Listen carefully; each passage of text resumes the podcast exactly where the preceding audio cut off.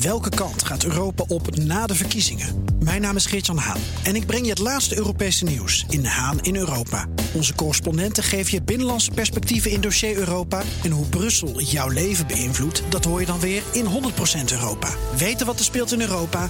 Luister naar de programma's van BNR. 60. Postma in Amerika. Tijd voor het Amerikaanse nieuws door de ogen van onze correspondent in Washington, Jan Postma. Jan, Trump staat weer volop in de aandacht deze week, maar niet altijd vrijwillig. Vandaag moet de financiële man van de Trump-organisatie, dat is zijn bedrijf, zich bij de rechter melden. Ja, en dat heeft hij inmiddels gedaan. Alan Weisselberg, uh, die heeft zich gemeld bij de aanklager. En hij is de, de CFO van de Trump Organization. Dus dat, dat grote bedrijf van Trump.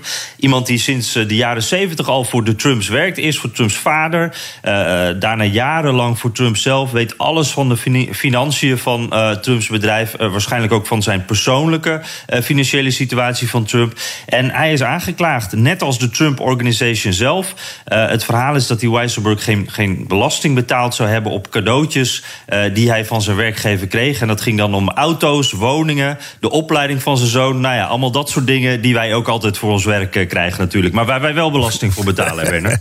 Wat zegt dit volgens jou? Wat gebeurt er hier nu precies?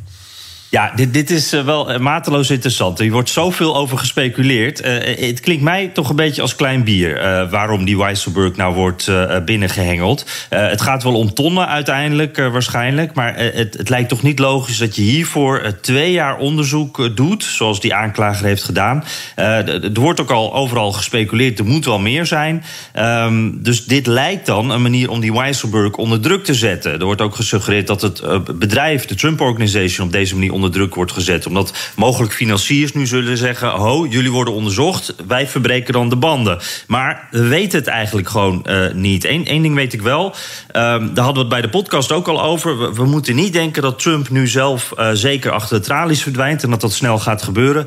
We weten heel weinig. We weten ook niet dus wat het einddoel van de aanklager is en of dat Trump dus zelf is. Wat we wel weten, Politico, die lekte, of via Politico werd vanochtend gelekt dat Trump zelf zou zijn met deze uh, lichte aanklachten tegen Weisselberg. Um, Trump die zou denken dat het hem politiek zou helpen. En hij zou gezegd hebben: This is going to hurt Sleepy Joe.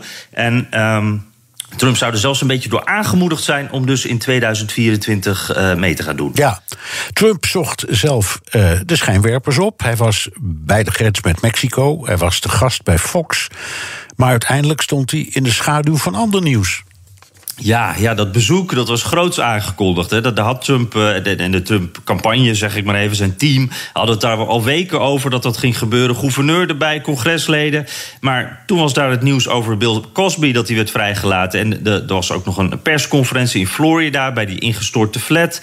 Uh, Donald Rumsfeld overleed. Dus uiteindelijk zond eigenlijk geen van de zenders dit live uit... omdat er zoveel nieuws was. Zelfs Fox News niet. Die hadden alleen af en toe eventjes een plaatje vanaf daar. Maar we hebben eigenlijk uh, bijna niets van Trumps speeches gezien. Uh, alleen Newsmax was er echt vol, vol live bij. Dus die alternatieve pro-Trump-zender. Dus dat was wel een tegenvaller. S'avonds zat hij bij Hannity.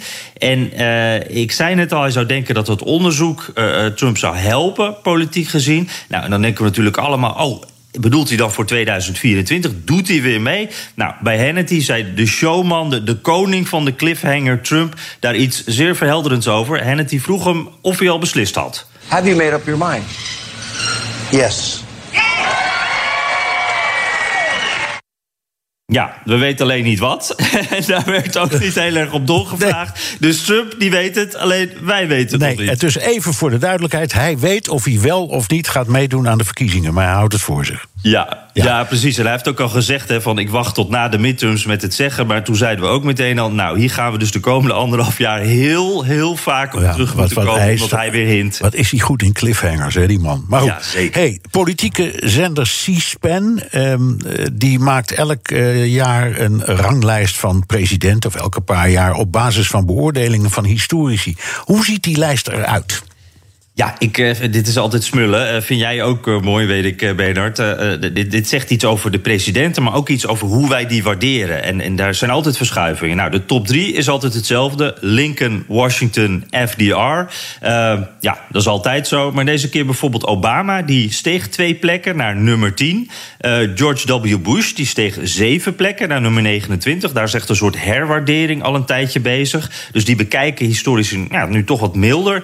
En de debutant, daar zijn we natuurlijk allemaal benieuwd naar. Donald J. Trump, hoogste nieuwe binnenkomer, want enige nieuwe binnenkomer, maar binnen op 41.